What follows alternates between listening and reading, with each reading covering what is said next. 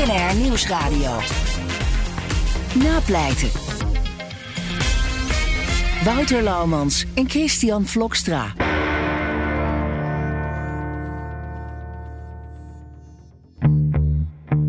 Toen zagen ze in een hoek van de keuken volgens mij een man op de vloer liggen met uh, tape om zijn nek. En toen dacht de politie ook dat die man overleden was. En toen hebben ze nog een beetje aan hem getrokken. En toen opeens, ja, toen werd hij toch wakker, bewoog hij. En toen bleek dat hij nog in leven was. Hallo en welkom bij Napleiten, de podcast waarin we met advocaten, officieren van justitie en rechters praten over strafzaken die hen altijd zijn bijgebleven. Mijn naam is Wouter Laumans en naast me, als gebruikelijk, strafpleiter Christian Vlokstra. Welkom Chris. Dankjewel Wouter. Eerst even korte huisregels. In deze podcast praten we over definitief afgedane strafzaken. En vanwege de journalistieke zuiverheid behandelen we ook geen zaken waar Chris bij betrokken is geweest. Um, Chris, in jouw rijke cliëntele, zitten daar uh, ex-TBS'ers tussen? Uh, ja, ja, ja, zeker. Ik heb ook wel. Uh, kijk, een TBS-praktijk bestaat eigenlijk uit twee onderdelen. Daar hebben we ook al eens gehad, over gehad eerder toen we hier TBS-advocaten hadden. Ja. He, dus dat je mensen bijstaat in een, in een lopende strafzaak, hè, waar ze verdachten zijn en waar mogelijk TBS dreigt. Uh, en je hebt natuurlijk de TBS-verlengingszittingen, die eens in de twee jaar normaal gesproken plaatsvinden. Um, en ik heb, ja, ik heb als verdachte gehad die uh, waar mogelijk TBS dreigt. En ik heb als uh, verdachte gehad die, of veroordeelden gehad, die TBS hadden opgelegd gekregen die getoetst moesten worden. Maar het is niet mijn specialiteit hoor, dat zeg ik ook eerlijk bij. Nee, dus het ik, is, doe het eigenlijk nooit meer. Het is Nee. echt een specialisme. Ja. Uh, we gaan naar de zaak van vandaag, want die draait om een ex-TBS'er. Na elf jaar in een kliniek te hebben gezeten, is hij weer op vrije voeten gekomen. Maar dan, op 28 december 2020, belt hij de politie met de mededeling dat hij iemand heeft vermoord. Wanneer de politie in de woning van het slachtoffer komt, ligt deze met tape om zijn nek op de grond. De man blijkt nog in leven te zijn. Bij ons aangeschoven vandaag is de Westzaanse advocaat Lucie Oldenburg. Welkom. Dank je. En ik las in je bio, ja, we hebben uh, Lauren en die, en die, die bereidt Die dus zoekt altijd alles helemaal uit. voor en die zoekt alles uit. En die, ik las in uh, de bio die ik kreeg dat jij eigenlijk journalist wilde worden. Ja, dat klopt. En toen dacht ik, god, daar moet ik toch even wat mijne van Dat weten. spreekt mij aan, dacht jij. Nou, nou ja, waarom in godsnaam? Nee. Jij wilde eerst Ja. journalist worden? Ja, nou goed, dat had ook te maken met eh, een stukje um, recht, gevoel voor rechtvaardigheid. Um, dus ik ben aanvankelijk, uh, wilde ik naar de school van journalistiek. Alleen toen uh, bleek dat daar al die mensen die daar zaten, die, die gingen dan af, al vanaf hun negende gingen ze uh, in cafés dingetjes schrijven, verhaaltjes schrijven. En toen dacht ik, ja, dat heb ik helemaal nooit gedaan. Oh, dat heb ik eigenlijk ook nooit gedaan. nee, maar dat was dus uh, wat uh, aan mij verteld werd. En nou ja, toen ben ik uiteindelijk dacht, nou, dat is niet wat ik wil. En toen ben ik uiteindelijk, kwam ik op een feestje, kwam ik een, een rechter tegen. En die vertelde me, waarom ben je niet verder gegaan in de journalistiek? Nou, dat heb ik hem uitgelegd. En toen zei hij van, waarom ga je geen rechten studeren? Want ja, nou ja, dat heeft ook te maken met een uh, gevoel voor uh, rechtvaardigheid. En dat En- is wat ik ben gaan doen. Want dat gevoel voor rechtvaardigheid, uh, omschrijf dat eens, waar, waar komt dat vandaan? Nou, dat heeft te maken met mijn opvoeding, denk ik. Um, bij ons thuis uh, waren er altijd heel veel discussies uh, over maatschappelijke problemen. En uh, iedereen had snel een oordeel als er wat gebeurde. Als bijvoorbeeld een moeder een kind had achtergelaten als vondeling, dan werd die moeder meteen veroordeeld. En bij ons thuis was het ja, er zit gewoon achter elk verhaal, zit, zit een, ja, achter elk, elke tragedie zit een verhaal. En ook dat mensen een tweede kans verdienen en dat je niet te snel moet oordelen. Zo ben ik opgevoed. Dus dat zat er denk ik ja, al snel in. Het is altijd toch wel grappig. Hè? Er is toch wel altijd wel een soort crossover tussen journalisten en advocaten. Ja. Die, die, die, die, ja. Het is altijd een soort flirt toch met elkaar. Ja, maar als ik, als ik eventjes laat doordringen wat, uh, wat Lucie uh, hier vertelt. Kijk, dat is heel erg gericht zeg maar, eigenlijk op het bijstaan hè, van, van iemand die in een kwetsbare positie zit. Hè, dat dat je drives is, toch? Hè? Of dat er een tragedie ja. is waar een verhaal aan zit. Heb jij ook, want journalistiek hè, is natuurlijk ook overeenkomstig met, met, hè, met een advocaat. Dat ze controleren de macht eigenlijk. Hè? Dat is natuurlijk de kerntaak. Ja, als ze het goed doen wel. Heb jij dat ook? Dat je, dat je het lekker vindt of dat je, dat je er goed bij voelt om hè, als strafrecht advocaat de macht eigenlijk te controleren in zekere zin, het OM? Ja, wat, uh, uh, nou ja, goed, uh, in een strafzaak komt het uh, met enige regelmaat voort, vind ik, dat je wel met 1-0 achter staat. Ja. En, uh, en, dat, en de zaak die ook vandaag besproken wordt, blijkt dat, hè, dat de officier van justitie allerlei middelen kan inzetten. En dat je voortdurend maar bezig bent om de rechtbank te overtuigen dat het ook anders kan. Um, dus. Um, maar dat is natuurlijk ook ergens niet zo gek dat je met 1-0 achter staat. Want als advocaat sta je natuurlijk een verdachte bij. En de officier van justitie die neemt de beslissingen. Waar gaan we het onderzoek op richten? Hoe gaan we iemand eigenlijk, nou, eh, een verdachte, gaan we daar bewijs tegen verzamelen? Dus die, ik hoor advocaten dat natuurlijk wel vaker zeggen. Maar dat is natuurlijk ook wel een beetje hoe het spel is ingericht. Dat je eigenlijk altijd, jij komt altijd als, als tweede. Hè? Er is eerst een verdachte en dan komt de advocaat natuurlijk. Geef jij repliek of moet ik het doen, uh, Lucie? nee, ga, ga je gang hoor. Nou ja, ehm, eh, ik ben het niet helemaal met je eens het gebeurt. Kijk, mijn specialiteit is, zijn geweldzaken en zedenzaken. En in zedenzaken komt het ook heel vaak voor dat iemand wordt aangehouden en dan bestudeer je zo'n dossier en je praat met cliënt. En dan denk je, ja, er klopt hier iets niet. Maar zolang, omdat het vaak om uh, zwaardere feiten gaat, verkrachtingen bijvoorbeeld, ehm, blijft iemand wel heel lang in de voorlopige hechtenis zitten. En dan kun je op enig moment kun je dan banden gaan uitluisteren en dan kun je in uh, slachtoffer kan je gaan horen. En dan soms draait een zaak. Maar zolang dat niet gebeurd is, en dan krijg je al die proforma zittingen. En al die tijd zit iemand gewoon in voorlopige hechtenis. Ja, dat is de achterstand die je inderdaad praktisch hebt. Kijk, ik denk ook niet dat het, hè, want je hebt gelijk, natuurlijk, het kan ook niet in zekere zin niet anders dan dat, je, dat, hè, dat het Openbaar Ministerie een voorsprong heeft. Ja. De taak hè, die de politie en het Openbaar Ministerie hebben. Waar ik denk vooral om gaat, en waar, waar bijvoorbeeld mijn zorg zit, is dat vervolgens als die verdachte zeg maar in het spel komt en dus met 1, 2, 3-0 achter staat, dat hij de middelen krijgt en heeft hè, om, om, om tegenwicht te bieden hè, door, door zijn de verdediging. equality of arms. Ja, hè, dat is de. Um, uh, natuurlijk ja, dat zal ik even bellen, want de equality of arms, Chris, het is ja, een term is, die heel vaak valt in de recht. valt heel vaak. Ja, dat is eigenlijk dat je, hè, dat komt voort uit het uh, artikel 6 van het Europees Verdrag van de Rechten van de Mens hè, het recht op een eerlijk proces, waar het voortkomt dat je gelijke middelen moet hebben om je verdediging te kunnen voeren. natuurlijk kunnen wij niet hetzelfde als de, het betekent niet dat je hetzelfde kan als de politie of als het Ministerie, maar wel dat je de volle vrijheid hebt om die verdediging te voeren. En daar zit mijn zorg dat je merkt, en dat komt natuurlijk ook uit efficiëntieoverwegingen en dingen moeten sneller. Um, dat je als verdediging in de te, tegenwoordige tijd steeds meer op achter, nog meer op afstand staat, omdat het gewoon heel lastig is om die rechten uit te oefenen. We gaan naar de zaak van vandaag. Ja. Um, Lucie, jij stond deze man al bij, toch? Uh, deze, de verdachte in deze zaak. Ja, deze man uh, is, daar is in 2005 een uh, TBS opgelegd voor een poging doodslag. En hij verbleef in een TBS-kliniek. En ik heb niet de strafzaak gedaan, maar hij heeft mij benaderd op enig moment om die TBS-zaak over te nemen. En die is toen beëindigd, ik meen in 2016. Oké, dus hij was vier jaar eigenlijk buiten toen, toen, toen dit speelde. Ja. Um, en op enig moment laat hij de politie weten: ik heb iemand vermoord. Ja. Hoe ging dat? Nou, er is nog, uh, hij heeft het eigenlijk al eerder laten weten. Want op 28 december heeft hij uiteindelijk de politie gebeld. En ook mij. Maar op 26 december heeft hij al op Facebook laten weten tegenover zijn Facebook-vrienden in het Engels: I'm sorry, I killed somebody, I go to jail again. Dus oh, toen was, het al gebeurd? Toen was het al gebeurd, ja. Oké, ja. En toen heeft hij op 28 december is hij vervolgens maar eens de politie gaan bellen. Ja. Zo. Maar is hij, is hij toen meteen aangehouden of is hij naar politie Ja, nee, hij heeft, hij heeft 1 en 2 gebeld en uh, hij heeft, nou dat was... Maar twee dagen nadat, nadat het gebeurd was?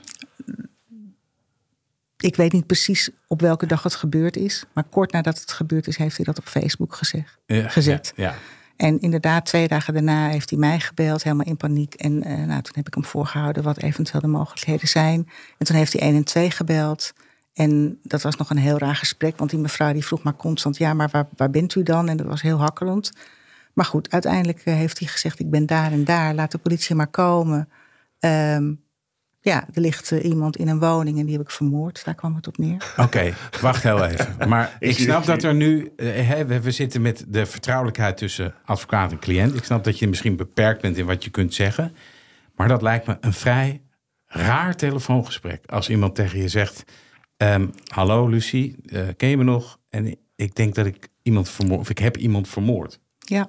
Hoe ga je zo'n gesprek in? Hoe, hoe ga je... Ja, hoe, ontving je dat gesprek? Ja, wat, wat was jij aan het doen op dat moment? Ja, nou ja, weet je, kijk, allereerst is het natuurlijk zo dat ik het, ik ben sowieso wel huiverig voor ehm, allerlei ehm, bekentenissen over de telefoon. Ja. Eh, dus dat is wat hij, hij zei dat tegen mij. En toen heb ik uiteindelijk eh, voorgehouden dat hij eh, inderdaad, ja, er zijn dan twee mogelijkheden. Of je bent op de vlucht voor de politie of je gaat je aangeven. En ik moet zeggen dat ik eh, aanvankelijk dacht ik van, nou ja, het zal wel. Of zo. Ik geloofde het niet. En waarom geloofde ik het niet? Omdat het gewoon ook niet bij hem paste. Eh, hij had een lange justitiële documentatie voordat hij de TBS inging. Voor poging tot dood. Hij had natuurlijk, maar die TBS was voor poging tot doodslag. Ja, maar daarvan, dat, dat, dat, is zo. Alleen eh, op het moment dat de TBS niet meer verlengd wordt, dan, eh, dan stellen de deskundigen vast dat je in ieder geval niet meer aan het gevaarscriterium Nee. Nee, maar om dan te zeggen het past niet bij hem. eh, is Nou ja, kijk, mensen hebben een stoornis. Hè? Ja. En daardoor komen ze in de TBS. En als die stoornis verholpen wordt, waardoor zeg maar, het risico bijvoorbeeld op een geweldsuitbarsting er niet meer is. Ja, dan, dan op dat moment kun je zeggen, ik snap ook wel wat jij bedoelt hoor. Maar ik snap ook wel wat Lucie zegt. Ja. Want dan op dat moment ja, is hij niet iemand die per se eh, gewelddadig is. Althans, dat zou je niet verwachten.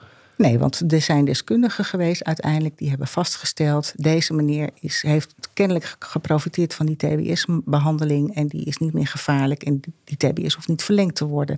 En in de jaren daarna, en eigenlijk ook in zijn vorige justitiële documentatie...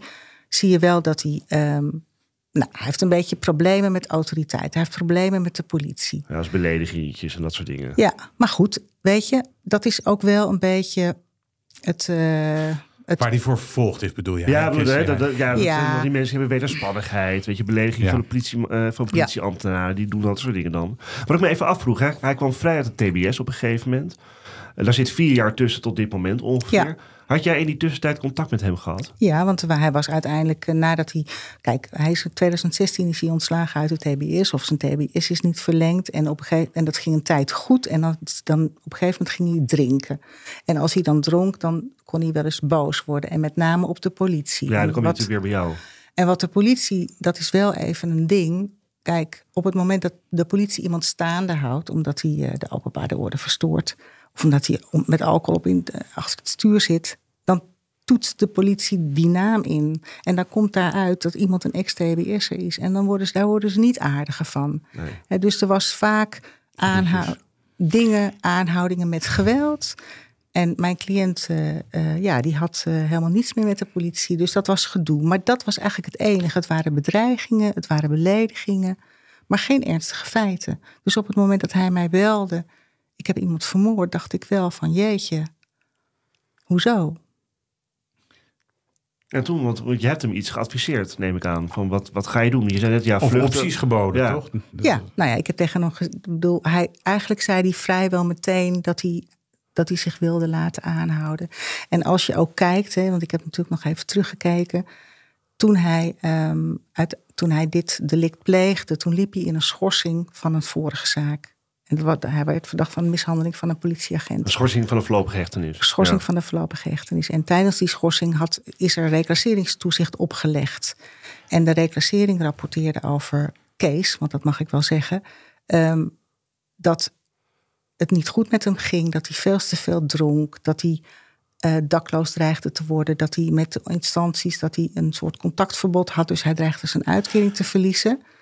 En zij zeiden dat hij ook toen al uitspraken had gedaan. Ja, als jullie me niet. Wat moet ik in godsnaam doen om geholpen te worden? Dat ik de hulp krijg die ik verdien. toch, eh, en misschien eh, laat ik hier de onderbuik een beetje borrelen, denk ik van ja, ook met zo'n politie, als die zien eh TBS'er, dan snap ik ook wel dat je als politieman, als je zo iemand aanhoudt, wat extra op je kivive bent. Dat zou ik ook zijn. Ja, maar goed, dat is niet, kijk, dat is niet wat Lucie eigenlijk zegt. Lucie zegt, kijk, je ziet een ontwikkeling van Ja. zo iemand hè, die uit de TBS komt Ja. in de maatschappij. En dat gaat mis eigenlijk. En het gaat mis. Het gaat mis zeg maar, qua, hè, qua drankgebruik. Het gaat mis met contact met de autoriteiten. Ja. Eh, hè, hij komt weer in nieuwe strafzaken terecht. Registreringstoezichten die zeggen... Hey, hè, hij moet hier en daar geholpen worden. Hij heeft zelf een hulpvraag. Nou ja, dat is, dat is het trieste. Volgens mij twee weken voordat hij eh, dit delict eh, pleegde, toen eh, is er een rapportage uitgekomen dat hij heel graag een crisisplek ergens wilde hebben. Omdat hij Nou ja, dat het gewoon heel slecht met hem ging. En dat is toen niet gelukt. Nee, die crisisplekken die zitten allemaal bomvol. Dat is heel moeilijk eh, op dit Ja. moment natuurlijk. Hè. Die, dit, dat, Ja. is, dat is in deze huidige maatschappij is er natuurlijk weinig ruimte voor dit soort mensen, denk ik wel eens. Nou ja, in ieder geval in zijn. Nou ja, het, het- kijk, net zo goed als dat, dat er over de TBS-maatregel eigenlijk altijd wel gezegd wordt dat het een soort wondermiddel is. En ook dat reclasseringstoezicht een wondermiddel is. Mijn ervaring is, is dat, ehm, ja, dat er sommige mensen gewoon toch eh, in een TBS-kliniek blijven en er niet uitkomen. En dat reclasseringstoezicht wat wordt opgelegd niet goed wordt. Ja, uiteindelijk Nee. dat mensen niet geholpen worden. Dus je hebt hem aan de lijn. Hij zegt hè, dat hij iemand vermoord heeft. Je weet niet helemaal of je moet geloven. Maar je moet hem wel advies geven. Wat ga je doen? Terwijl je in je achterhoofd hebt hè, de- het verleden. De recente Ja. gebeurtenissen waarbij hij heeft gezegd... nou, wat moet ik doen om geholpen te worden? Wat, wat, hoe is dat advies? Wat was het advies en hoe is dat tot stand gekomen tussen jullie? Kun je daar iets over zeggen? Nou ja, wat ik net al zei, eigenlijk hij was helemaal in paniek. Dat kan ik me nog herinneren. En ehm, hij had dus al op Facebook gezegd, gezet dat hij eh, waarschijnlijk naar de gevangenis eh, weer zou gaan. En tegen mij zei hij, ja, ik wil gewoon aangehouden worden, ik wil Ja. gearresteerd worden. Dus eh, uiteindelijk heb ik hem geadviseerd om dan de politie te bellen. Ja. En die is ook gekomen. En die is ook gekomen, ja. En dat was in de woning waar ook zeg maar, het lijk lag? Of Nee, zij, nee, wat er gebeurd is, hij heeft 112 gebeld. Daar heeft hij gemeld dat hij iemand, iemand om het leven had gebracht. Hij heeft gezegd waar hij was, ergens op een begraafplaats. En daar is de politie naartoe gegaan. Die hebben hem aangehouden. Hij heeft gezegd, daar en daar ligt een, eh, een lijk. En daar zijn ze naar gaan kijken. En toen? En toen, ja, nou ja, goed, toen eh, heeft de politie aangebeld. En eh, nou, de deur werd niet geopend. En toen hebben ze de deur geforceerd en zijn ze naar binnen gegaan. En dan lagen, toen zagen ze in een hoek van de keuken, volgens mij, een man op de vloer liggen met eh, tape om zijn nek. En toen dacht de politie ook dat die man overleden was. En toen hebben ze nog een beetje aan hem getrokken. En toen opeens, ja, toen werd hij toch wakker, bewoog hij. En toen bleek dat hij nog in leven was. Jezus. Gelukkig voor mijn cliënt. Maar was hij aan het misschien ook wel gelukkig voor het slachtoffer. Of, ja, ja, toch? Ja. Ja, Lucie, denk ook aan het slachtoffer. Ja, nee. ja. Maar, maar ik, ja, eh, ik snap het hoor. Maar, eh, Beroepsdeformatie. Ja, Beroepsdeformatie. Ehm, maar oké, het, eh, het slachtoffer werd gelijk naar het, het ziekenhuis gebracht. Neem ik aan. Heeft, heeft het slachtoffer dit overleefd? Of, of, of heeft hij daar blijvend letsel aan overgehouden? Of? Nou ja, er is nog een, iets anders wat speelde. eh, tijdens, eh, nou, de- het slachtoffer kon kort met de politie praten. En toen had het slachtoffer gezegd dat er drie mensen verantwoordelijk voor waren voor die aanval. En één daarvan zou mijn cliënt zijn. Nou, toen is hij naar het politie, of nou, hij is naar het ziekenhuis gebracht. En, ehm, nou, en dan komt er een voorgeleiding bij de rechtercommissaris van mijn cliënt. Dan krijg je op enig moment krijg je het dossier. En dan kan je ook een beetje weten wat, wat ligt er nou. En ehm, het is heel moeilijk om je cliënt dan uitgebreid te spreken. Dus op enig moment heb ik hem uitgebreid. Dus hebben, toen we bij de rechtercommissaris waren, ja, vond ik het eh, verstandig om maar geen verklaring af te leggen. Zwijgrecht. Ja, omdat ik wil, eerst wilde weten wat is er nou precies gebeurd. En ehm, Maar nou, wacht, wacht, wacht eventjes hoor, eh, eh, Lucie. Want kijk, deze man die wordt wakker op een moment. Kwam hij bij bewustzijn of werd hij gewoon, was hij aan het slapen? Werd hij wakker toen de politie binnenkwam? Ja, nou, ik denk dat hij misschien. Kijk, wat er gebeurd is in die, deze zaak is dat er uiteindelijk ook geen letselrapportage is eh, opgesteld. Dus ik weet niet precies in welke toestand hij aankwam in het ziekenhuis. Nee. Maar eh, ja, ik, wat ik begrepen heb van cliënt was in ieder geval toen het gebeurde dat hij heel erg onder invloed van, van alcohol was. Dus, die, dus het slachtoffer. Ja. Ehm, en dat hij ook medicijnen gebruikte. Dus ik denk dat hij gewoon een hele diepe slapen was. Half comateus misschien. Met, Zoiets. met tape om zich heen. Ja, ik, ik, wauw. Maar hij is toch Het jouw cliënt. want ja. dit is toch ook weer iets dat je denkt... mijn god, dan lig je drie dagen in je keuken... of twee dagen in je keuken.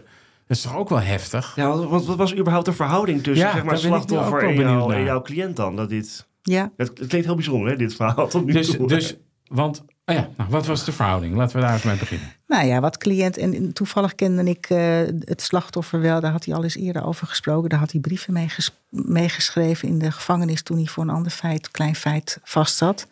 Hij, zit, hij, hij, hij heeft wel een behoorlijke documentatie, jouw cliënt. Ja, maar niet voor hele ernstige vergrijpen. Nee, Nee. nee. Ehm, ja, en ik, en ik hoorde jou net met alle respect even iets zeggen over. Nou, ik weet het niet meer precies. ehm, Over zijn onderbuik. De onderbuik, ja, ja. Nee, over dat politiegeweld. Ja, met, hè, dat dan de, de politie, nou ja, goed, dat je het niet zo vreemd vindt dat als iemand TBS op zijn naam, zijn of haar naam heeft staan, dat de politie misschien even iets, uh, nou, iets Alerter alerter is. is. Ja, maar iets alerter zijn is nog iets anders dan dat je over de scheef gaat met geweld, omdat iemand eh, een TBS-verleden heeft. Oké, maar dat, dat is ook vastgesteld dat er echt eh buitenproportioneel geweld bij hem is gebruikt door de politie. Of Nou is dat ja. iets wat jouw cliënt zegt? Want ik bedoel, nee, ja, maar ik heb, ik heb, laat ik het zo zeggen, ik heb met ex-cliënten wel mee, ex-TBS-cliënten wel meegemaakt dat, mensen, dat er een arrestatieteam kwam voor een bedreiging. Dat lijkt me iets te ver gezocht. Ja. ja.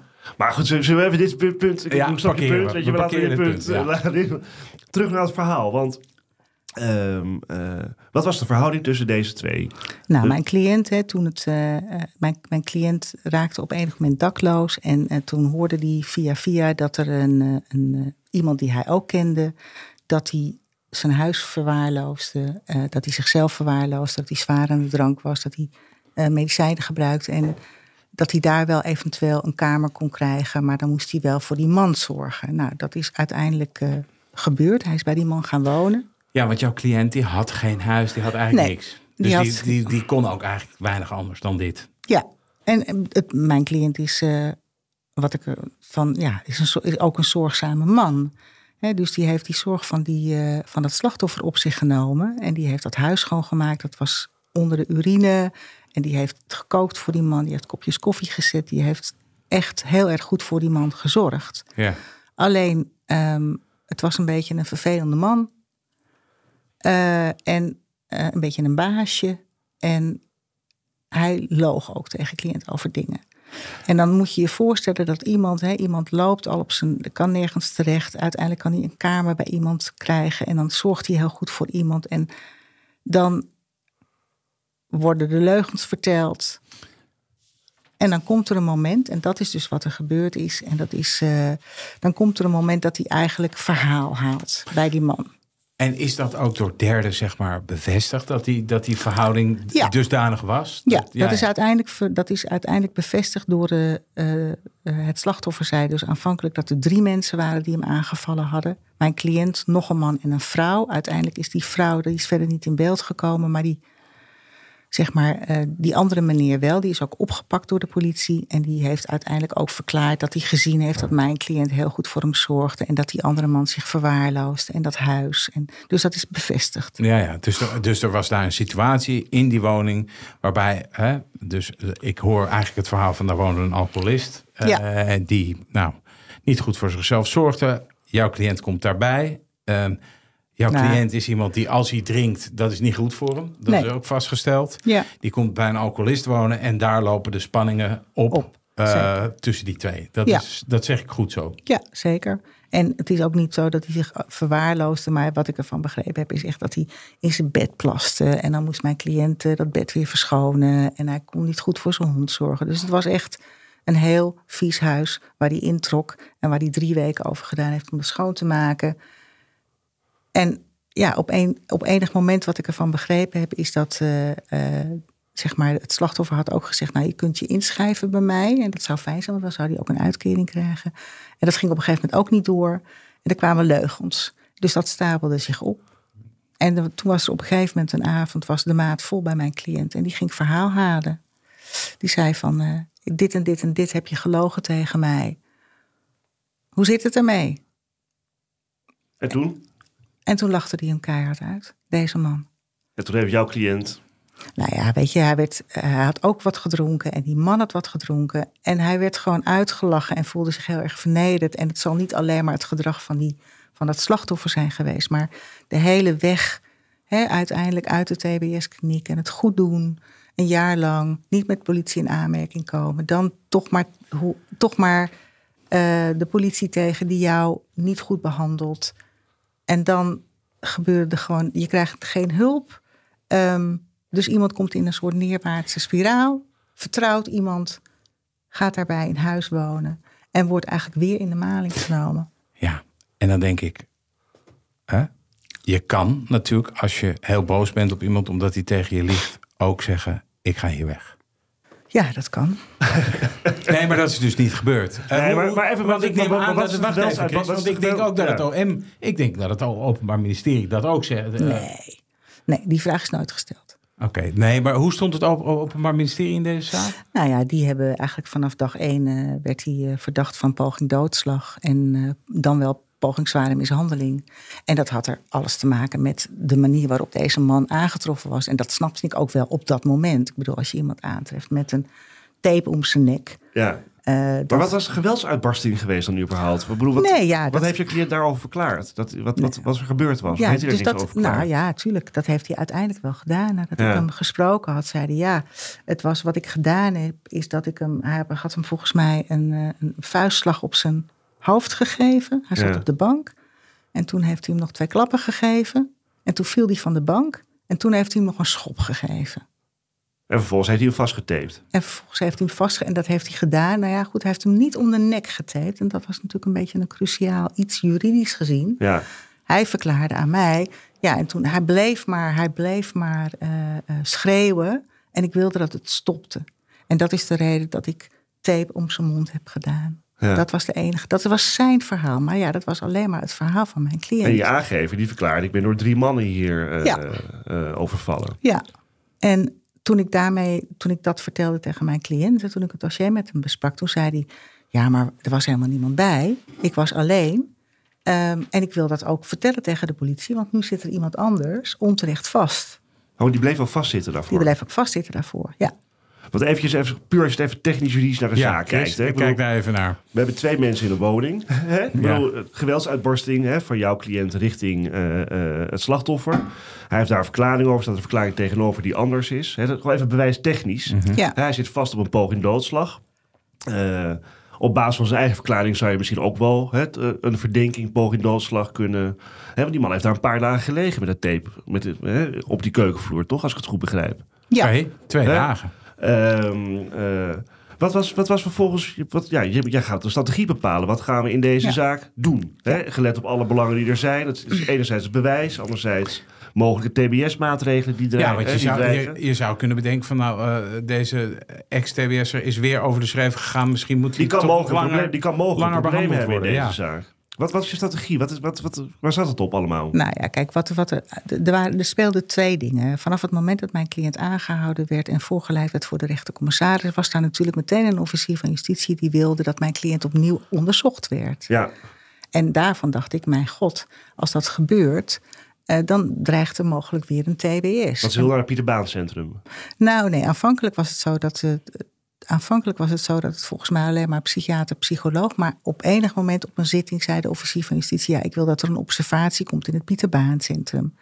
Nou, mijn ervaring daarmee is, dat als hebben we het weer over rechtsgelijkheid. Hè, als een officier wil dat iemand geobserveerd wordt in het Pieter Baan Centrum, dan gaat iemand naar het Pieter Baan Centrum. Wat je ook aanvoert, dat wordt niet gehonoreerd. Is dat zo eh, in jouw perceptie ook? Nou ja, goed, daar kan ik echt niet over oordelen, omdat ik niet dat soort, heel veel dat soort zaken heb. Maar kijk, eh, eh, op het moment dat er stevige problematiek mogelijk Ja. speelt, ja, dan is het Pieter Baan Centrum wel vaak. bij uitstek. Nou ja, weet je, de logische weg. Als, daar, als er vragen komen uit zo'n, hè, uit zo'n ambulant eh PO-onderzoek, dan kan dat daartoe leiden. Maar goed, de officier van justitie hebben dat inderdaad best wel veel macht en invloed. Ja, en dat was uiteindelijk wat ik. Dus dat wilde ik voorkomen. Ik wilde voorkomen dat er een, en een psychiater en een psycholoog mijn cliënt zou onderzoeken. Omdat ik bang was dat er weer een TBI. Of ik bang was, omdat ik ehm huiverig was voor mijn cliënt dat er opnieuw een TBS werd Ja. geadviseerd. Maar je zou toch kunnen redeneren van als hij, als blijkt dat er toch echt wat met hem aan de hand is, dan kan hij toch ook weer baat hebben bij een nieuwe TBS.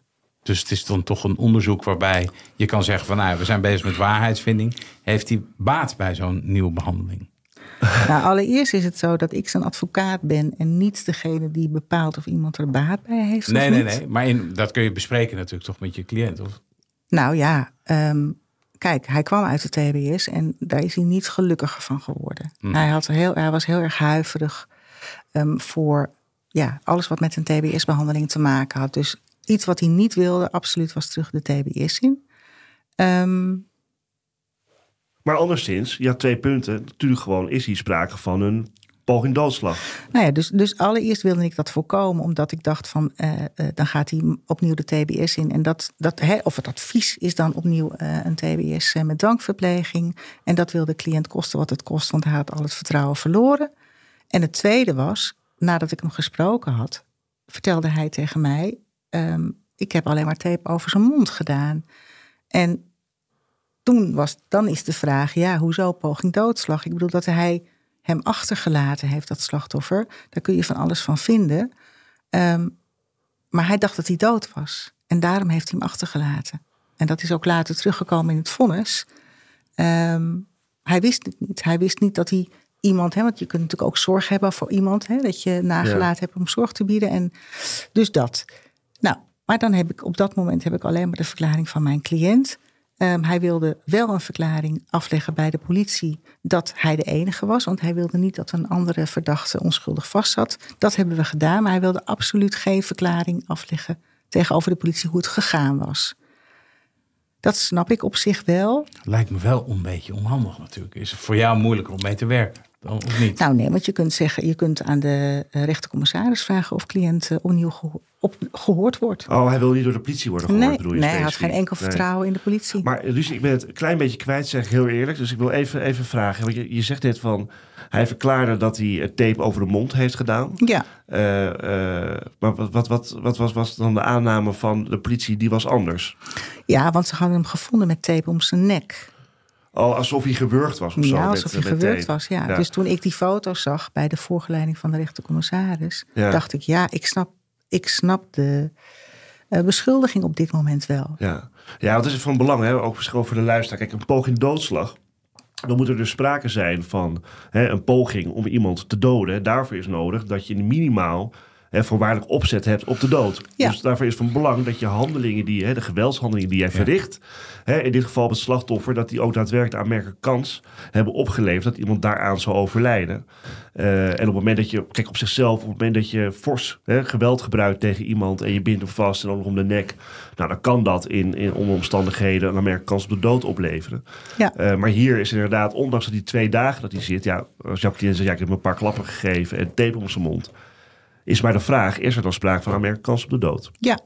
Toch? Ja, zeker. Dus dat speelde. Twee dingen speelden. Um, wel of niet onderzocht worden door een psychiater en een psycholoog. In dit geval wel of niet geobserveerd worden in het Pieterbaancentrum. En B, ik was eigenlijk snel uh, overtuigd van het feit dat er geen sprake was van poging doodslag, dan wel poging zware mishandeling. He, want poging zware mishandeling is dan van belang als je een letselverklaring krijgt. Ja. En die was er niet. Ja, maar dat vind ik zo raar. Dat zei je eerder. Er zat geen letselverklaring in het dossier. Meestal bij geweldsdelicten. Ja, krijg je Hè, dat mensen gaan naar het ziekenhuis. Dan krijg je toch wel gewoon een verklaring van het letsel bij het slachtoffer is aangetroffen. Waarom was dat er niet? Geen idee. Geen idee. Heel raar. Maar ik vond het ook verder niet. Nee, eh, voor jou is het niet erg, nee. Nee, maar, Maar- het, het was er niet. Eh, dus, eh, nou goed. En wat er dus op enig moment dan speelde, was eh, dat ik alleen maar de verklaring van cliënt had en nog niet de verklaring van het slachtoffer. Dus die moest gehoord worden. Ja. Eh, en daar gaat dan ook weer tijd overheen. Nou, die wordt dan gehoord bij de rechtercommissaris.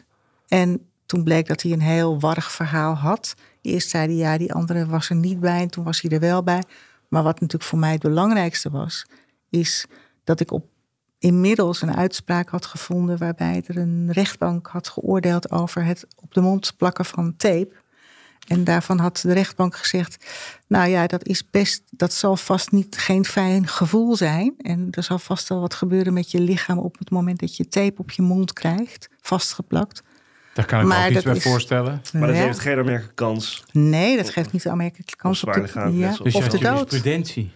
Ik had jurisprudentie. Ja, maar Ja. zo zie je, maar hoe. eh, de- Kijk, feitelijk, hoe de feitelijke situatie is, is kan zo eh, essentieel zijn in, in, in, hè, in zaken zoals deze. En het zijn natuurlijk ook communicerende vaten, hè, want een poging doodslag, dat kan een grond zijn, hè, als dat per feit, om vervolgens die TBS-maatregelen Zeker, op te leggen. ja. Dus dat is nogal van belang. Hè. Enerzijds proberen die, die telassenlegging eigenlijk naar beneden te krijgen, hè, de, Ja. de uiteindelijke bewijsverklaring, in combinatie met die TBS-maatregelen. Maar ging die naar de PBC toe, of niet? Nee, kijk, toen mijn cliënt uiteindelijk, hè, dat, dat, ik heb dat misschien niet gezegd in het begin, maar het is wel zo dat op het moment dat je iemand lang bijstaat, in de, dat je ook iemand leert kennen. Ja. En dan kan er echt wel een moment komen dat je denkt, ik geloof jou, ik geloof wat je vertelt. Ehm, hij het is gewoon oprechte man kwam op die manier over. Dus wij hadden op een gegeven moment een verhoor bij de rechtercommissaris. En hij vertelde zijn verhaal. Hij vertelde hoe het gegaan was. Hij vertelde hè, het begin, eh, dat hij de man geholpen had. En dat hij uiteindelijk eh, dat het eh, hoog opliep. En de geweldshandelingen die hij had verricht. En wat ik merkte tijdens dat verhoor bij de rechtercommissaris... dat zie je op een gegeven moment aan een rechter. Dat ik dacht, hé, hey, het gaat... Ze gaan het erin mee. Ze gaan erin mee. Ze geloven Ze hem. geloven hem. Ja. Eh, dus toen zei de officier, ja, maar ik wil nog steeds dat zien. Nou, dat Pieter Baan syndroom gaat voor observatie. En toen zei de rechtercommissaris van, nou, ehm, laten we dat nog maar even niet doen. Ja. Maar ja, het is grappig, hè, want ik merk het bij jou ook. Ik had het zelf ook een beetje. Als jij dit verhaal vertelt, hè, laten we gewoon, hè, kunnen we eerlijk over zijn. Dan denk je op een gegeven moment van, er zit iets, weet je. Het is, het een bijzonder verhaal, hè, deze man, weet je. Die Ja. weer tot geweldsexplosie, twee dagen. Maar ik heb ook zaken gehad die echt zo vreemd in elkaar zaten. Hoe mensen met elkaar omgaan, hoe mensen kunnen Ja, handelen. nee, natuurlijk. En als ze, als ze het vertellen, hè, en ze vertellen het open en authentiek, dat je denkt, ja, het is heel raar, maar het kan zomaar gewoon zo zijn. toch? Maar had jouw, Ja. cliënt, had jouw cliënt op die bewuste avond ook gedronken? Ja, Ja, dus, en dat, dat, Ja. dat is natuurlijk een katalysator geweest voor ook de, al- alle gebeurtenissen. ja. Maar Ja. kijk, het is ook niet een rechtvaardiging. Hè? Het is niet een Nee, rechtvaardiging dat het daardoor goed is of wat Nee, nee, maar ik zeg gewoon, ik wil gewoon weten hoe het zat. Maar zeker mensen zeg maar, die in dit soort circuits zitten hè, en, en, en eh, ver- verwaarloosde huizen. En hè, de een drinkt en de ander drinkt. En ja, dan weet je, er, er gebeuren hele gekke dingen. Waardoor mensen dus twee dagen op een, op een keukenvloer kunnen liggen, eh, vastgetaped. En dat toch geen poging doodslag is. Wat op zichzelf, zou je kunnen zeggen, wel hè, bijzonder is. Toch? Ja. Nou ja, goed. Hè. Uiteindelijk gaat het natuurlijk om de juridische, juridische kwalificatie. Ja, maar de- het standpunt van het Openbaar Ministerie is... de verdachte heeft de aangever lange tijd in hulpeloze toestand achtergelaten. Hè? Dus hij heeft, en hij heeft tape, eh, tape om, bij hem omgedaan. Vandaar poging doodslag. Ja, Ja, dus het zat niet zozeer dat geweld wat hij had toegepast, maar het feit dat hij hem had achtergelaten. En jij zegt... mijn cliënt heeft hem in hulpeloze toestand achtergelaten. Nee. Wat ik, ik zeg helemaal niets. In dat, Oh. in, dat, in, in dat opzicht, nee. Ik kan, alleen maar, ik kan alleen maar zeggen wat mijn cliënt verklaart. Mijn cliënt verklaarde, hij begon te schreeuwen. Toen heb ik tape om zijn mond gedaan. Hij viel. En toen dacht ik dat hij dood was. Dat is het verhaal. En daarom geen poging tot doodslag. Nee, er is een, het, het gaat uiteindelijk om de vraag: wat heeft hij nou precies gedaan? En toen bleek uiteindelijk uit de verklaring van mijn cliënt: ik heb hem eigenlijk alleen maar twee klappen gegeven en ik heb hem een trap gegeven en ik heb zijn mond dichtgetaped met tape. Dat was dus iets anders dan dat hij daar gevonden was met tape om zijn nek. Dat is natuurlijk iets anders. Als je iemand in hulpeloze toestand achterlaat met gewikkeld tape om je nek, dan kun je, denk ik, als rechter wel aan die poging doodslag komen. Maar ik lees ook wel terug in het vonnis dat de officier van justitie ook heeft gezegd... gewoon het feit dat je iemand in deze toestand ook met tape om zijn mond achterlaat... Zo kan je natuurlijk, dat juridische stap, dat kun je innemen. Hè, van, dat levert aanmerkelijk kans op de dood op. Alleen, dat moet dan wel blijken uit stukken... dat inderdaad daarmee de kans op de dood een gegeven is. Ja, En die waren er eigenlijk niet. Nee, of uit andere uitspraken. Nee, en dus had ik uiteindelijk een uitspraak van een rechtbank. Ja. Eh, maar ik, dat- ik, ik had alleen maar dat. Ik had een uitspraak van een rechtbank die zei: tape op de mond is onvoldoende om poging doodslag dan wat zware mishandeling aan te nemen. Dat is een mishandeling, hoe vervelend het ook is. En ik had een verklaring van mijn cliënt hoe het gegaan was. Dat was natuurlijk niet voldoende. Nee. Dus ik moest het slachtoffer horen. En die ging ik horen. En dat was natuurlijk, ja, ze zeggen wel eens: stel niet de vragen die je niet, eh, waarvan je het antwoord niet Ja, dat weet. altijd zo'n bullshit advies. Dat vind jij ook, hè? Ja. Ja, nou ja, goed, Ja. weet je, het is dus lag een belastende, of nou ja, belastende verklaring. eh, Als het lelijk is, ja, weet je. Ja, ja hoe wat maakt het uit? Ja. Ja, zo is het. Dus eh, hij was verward, maar uiteindelijk zei hij op vragen, of althans vertelde hij op vragen, dat, hij in, dat er inderdaad tape om zijn mond was gegaan, tot aan zijn neus. En dat heb ik hem nog even voor laten doen. En hij vertelde dus helemaal niets over de nek. Hij vertelde, ik heb uiteindelijk dat tape naar beneden zelf getrokken. En daardoor is het om die nek heen gekomen. Maar dat is geen poging doodslag. IJs Openbaar Ministerie, 24 maanden onvoorwaardelijk plus TBS met voorwaarden. Ja, En dan moest jij verweren. ja nou ja, goed. eh Christian heeft het al goed verwoord. Ehm, uiteindelijk heeft, eh, heb ik natuurlijk eh, bepleit dat er geen voorwaardelijk opzet was. Geen opzet, dan wel voorwaardelijk opzet op de dood. Ehm, er was geen letselverklaring, dus ook geen poging zware mishandeling. Ehm, ik heb nogmaals de uitspraak aangehaald. En uiteindelijk heeft de rechtbank geoordeeld dat er sprake was van een mishandeling. En heeft hij hem veroordeeld tot zes weken voorwaar. Nee, zes weken volgens mij, ja. Ja. Gevangenisstraf. En is het dan zo dat voor mishandeling kan geen TBS worden op? Zeker. Maar kan wel, hè? Of Nee, wel? kan niet. Kan niet nee, hè? Nee. nee. daar staat eh, TBS kan opgelegd worden en dan moet het gaan om een misdrijf en nog enkele uitzonderingen, maar van, van vier jaar of meer. En op Ja. mishandeling staat drie jaar. Ja. Is er een hoger beroep geweest? De officier van justitie, ik vond het een beetje flauw, maar hij is uiteindelijk wel in beroep gegaan. Omdat hij de TBS met voorwaarden wilde. Nee, ik denk dat, ik denk dat de, de- het. Nee, want de officier wist ook wel dat er geen TBS opgelegd kon worden voor mishandeling. De Nee, maar hij wilde ook een in- poging doodslag. En ja, hij wilde gewoon een bewezen verklaring voor de oorspronkelijke tenlastelegging. Ja. En hoe ging het hoger beroep? Nou ja, mijn cliënt had geen zin meer. Die zei van jeetje, ik heb alles, ik heb uit en treur, ik heb verklaard, ik heb tegenover de rechtbank verklaard. Ik ga nu niet nog een keertje naar het hof uitleggen hoe het allemaal gegaan is. Ik kan niet meer, ik ben op. Ja, Ja, dat, is- dat, is wel, dat is wel ingewikkeld. Ja, die zittingen heb je, hè? Die zittingen. maar hoe ging dat dan? Want, Ja, ja, Lucie die kijkt nu een beetje vertwijfeld. nog. nou ja, goed, weet je. Soms zeg je tegen een cliënt, ga vooral mee naar de zitting. Omdat je gewoon een goede... Hè, je hebt Indruk gewoon, je wil hebt- maken. Ja, je neemt nee, het serieus. En, het- maar soms Ja. denk je over, nou, als je wegblijft, is dat niet erg. Maar zo is het. Precies. En deze cliënt was eigenlijk een hele goede, ja, was gewoon een hele goede verdachte. Die kon gewoon goed zijn verhaal vertellen. En het heeft natuurlijk, kijk, het heeft uiteindelijk niet alleen te maken met het wettige bewijs, maar ook met de overtuiging. Ja. Hè, je kunt van alles ervan vinden, maar ehm, nou goed, hij wilde niet. Dus ik moest het zonder hem doen. En? En toen? Ja, het Hof heeft uiteindelijk eh, het oordeel van de rechtbank gevolgd. Ja. Ja, Jezus, wat een verhaal.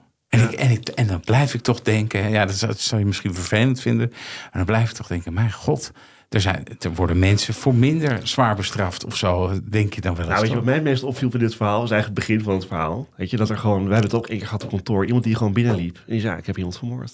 Weet je, en dat je dan met die informatie ziet. Kijk, dat, dat, ja. weet je, dat eh, eh, is echt heel bijzonder. ja en, en, en daar wil ik dan nog wel even iets... Oh, nou ja, goed, misschien is dat niet... eh, Dat mag. Nee, zeg er maar wat over.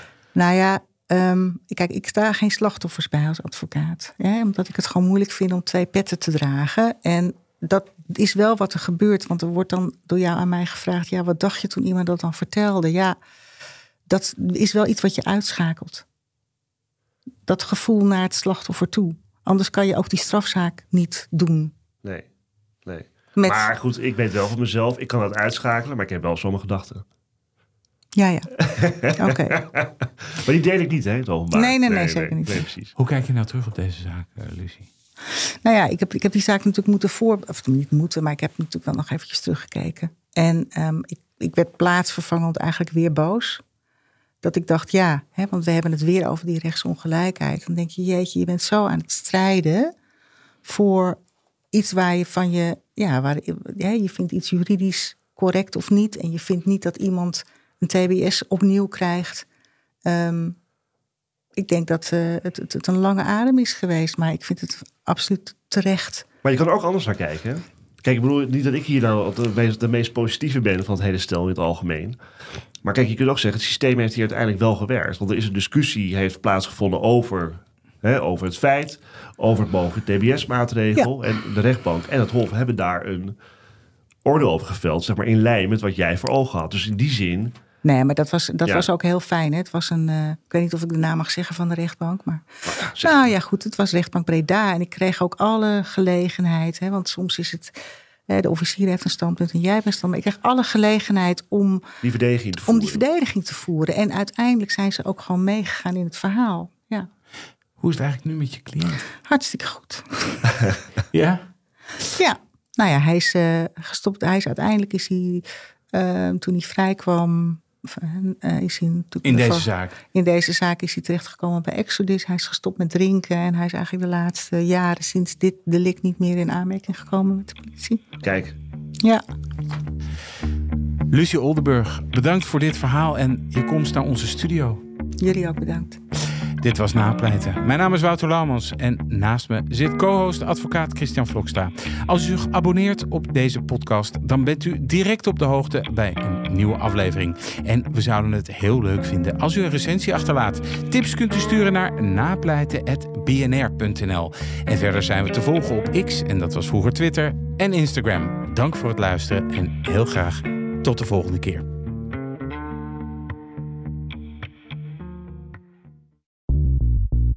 BNR ben je altijd als eerste op de hoogte van het laatste nieuws. Luister dagelijks live via internet. Jelle Maasbach. Wesley Weert. We zijn er voor je met het leukste, opvallendste, maar natuurlijk ook het belangrijkste nieuws. Tijdens de presentatie van die halfjaarcijfers toen die beurskoers in elkaar kukkelde. BNR Beurs. Voor de slimme belegger. Blijf scherp en mis niets.